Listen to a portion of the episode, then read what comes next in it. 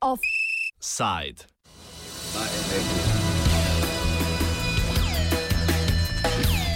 Najkasneje do konca leta 2015.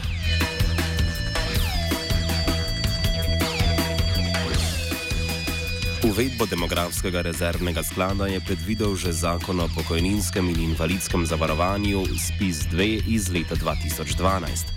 Ponovno je bila njegova ustanovitev predvidena v zakonu o slovenskem državnem holdingu in sicer, kot smo povedali v naslovu, je zakon o SDH predvideval, da se kapitalska družba prestrukturira v demografski sklad do 31. decembra 2015. Ta sklad naj bi zagotavljal predvsem dolgoročno stabilnost pokojninskega sistema v času, ko se bo razmerje med zaposlenimi in upokojenimi še zmanjšalo. Ne na zadnje je bila oziroma pa je bila njegova ustanovitev tudi ena izmed koalicijskih zahtev demokratične stranke upokojencev. Ministrstvo za finance je v začetku leta pripravilo izhodišče za pripravo zakona o demografskem rezervnem skladu, a se Desus in stranka modernega centra v zadnjem času ne moreta uskladiti glede priprave priprave zakona, ki ga želijo v Desusu sprejeti do začetka letošnjega poletja.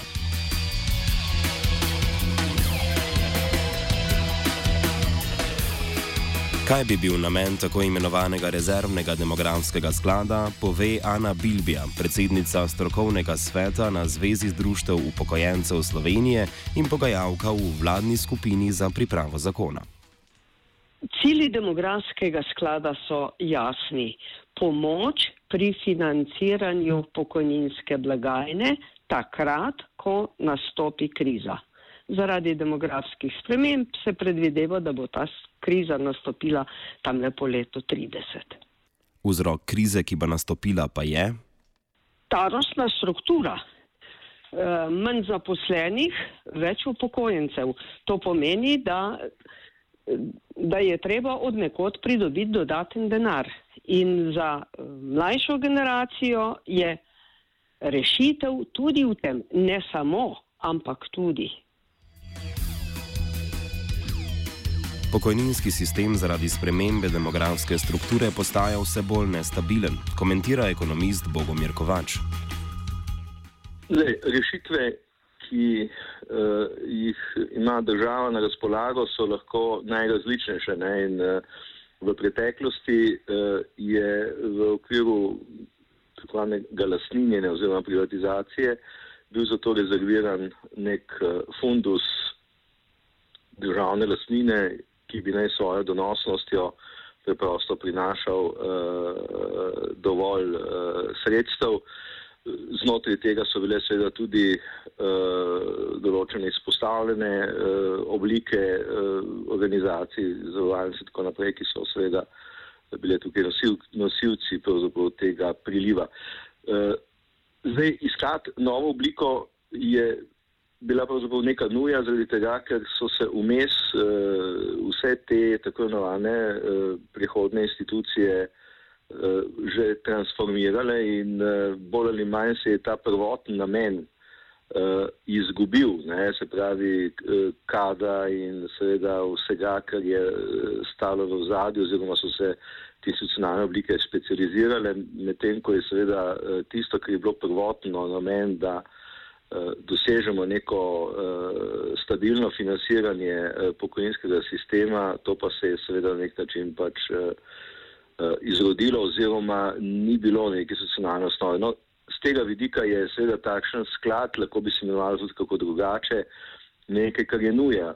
Mes je nam zgodilo tudi to, da je uh, demografska struktura uh, slovenskega prebivalstva uh, postala še slabša, kot se je prvotno pričakovalo, uh, da je kriza prinesla uh, še dodaten primakljaj na prihodkovni strani. Eh, tako da mi nekih eh, zelo, zelo stabilnih virov eh, na prihodkovni strani pokojninske blagajne zdaj nimamo več, pa bo vedno bolj ogrožena, medtem ko je druga stran, odhodkovna stran pa vedno močnejša, vedno stabilnejša, zato vedno starejšo in bolj dolgoživo družbo. Tako da je to po mojem mnenju pravzaprav ustrezna institucionalna rešitev, tudi nekako povezana z rešitvami, ki so na mednarodni ravni se priporočale državam.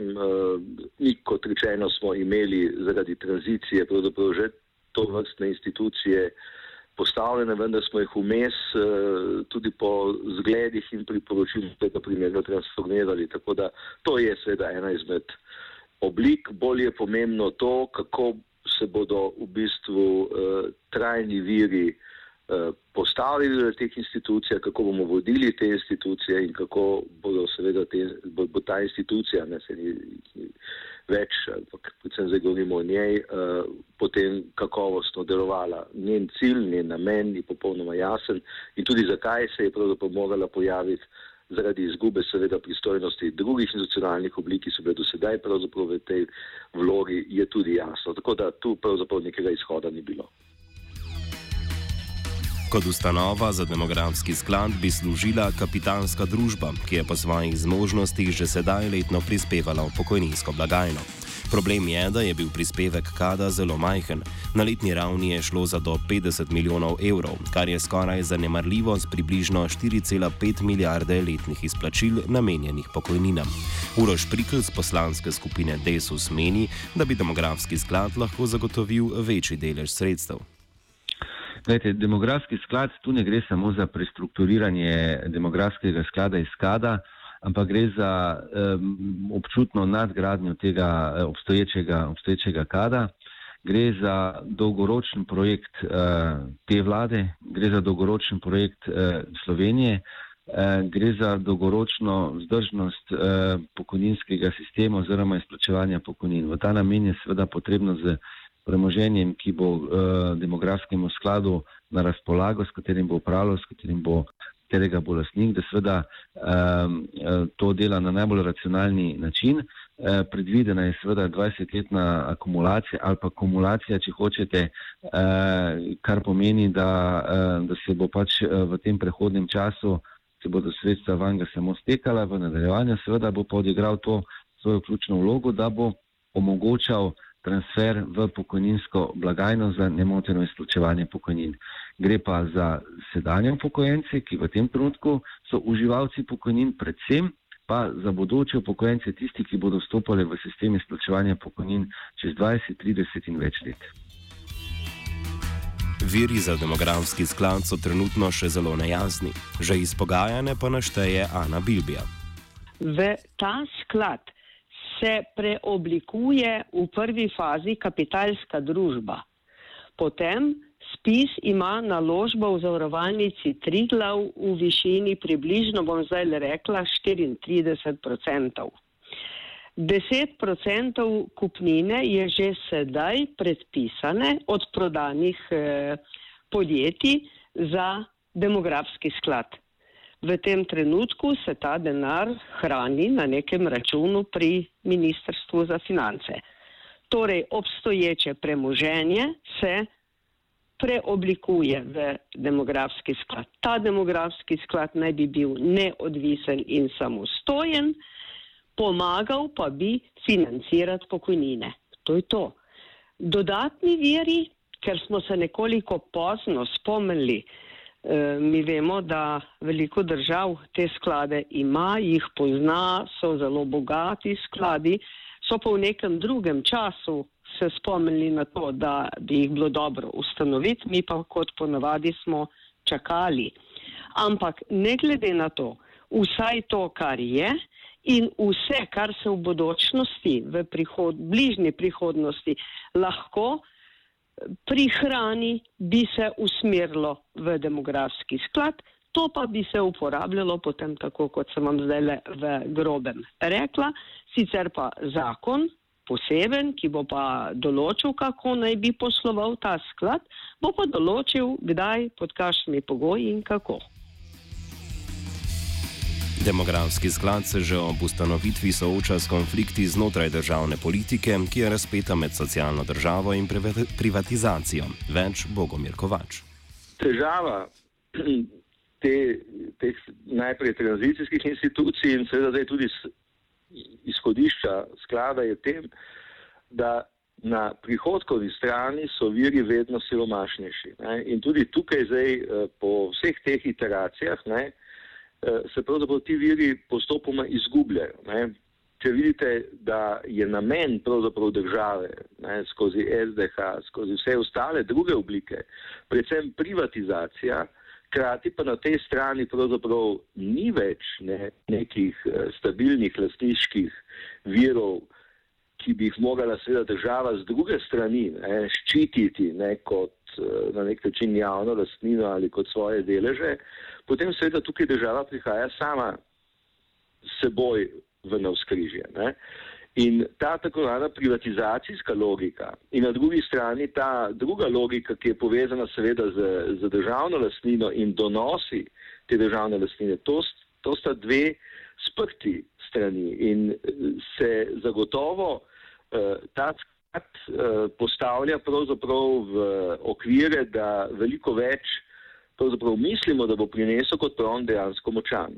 In ga tudi že vnaprej pravzaprav z celotno ihto, ki obstaja še vedno ob strani, eh, na nek način siromašimo. Ne? Kajti država, ki bi naj skrbela ne, za Eh, socialno podstat za svojo lastnino, svojo kakovosti upravljanja, z donosnostjo, ne, se s tem pravzaprav ne ukvarja.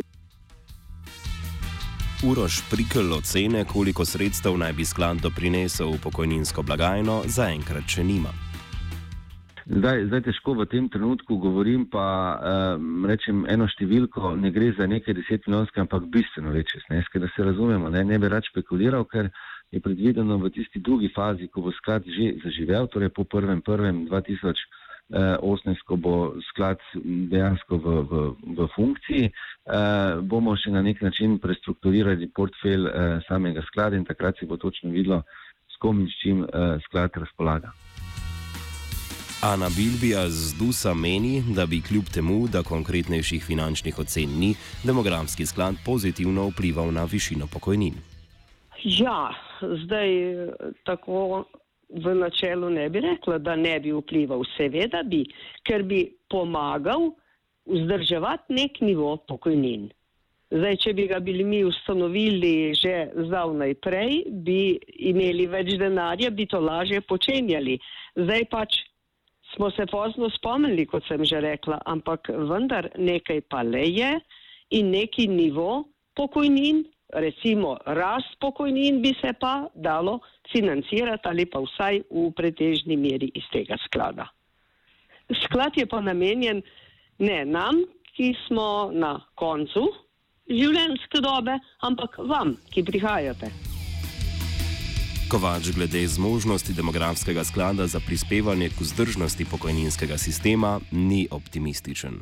Ko vse, kar lahko rečemo, je to, da nesporno na eni strani naraščajo eh, odhod, torej stroški na odhodkovni strani ali bolje rečeno potrebe za financiranje pokojninske blagajne, kajti število upokojencev in eh, dolžina eh, pravzaprav eh, izplačevanja pokojnin se nesporno podaljšuje, prihodkovna stran pa temu preprosto svojo dinamiko in z svojim obsegom ne sledi. Ne.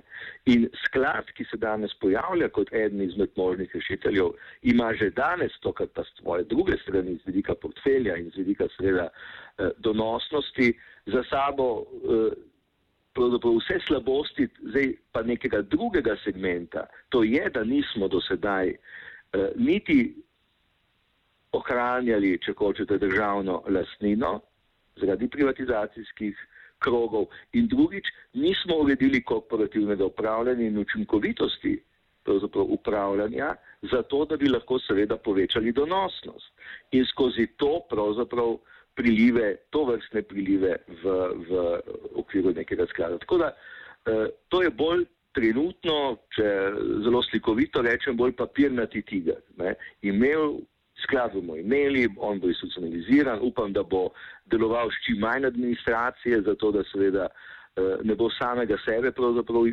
pojedel ne? in na drugi strani eh, mu pravzaprav ne moremo pripisati nekega velikega deleža ali pa neke velike pomoči v naraščajoče minuse ali primankljaje v pokojninski blagajni, ker preprosto tega nima in ga tudi ne more ob zdajšnjih trendih, tudi na kapitalskih trgih, na privatizacijskih, v privatizacijskih usmeritvah te države, pravzaprav ne more nuditi. Offside je pripravil noveli.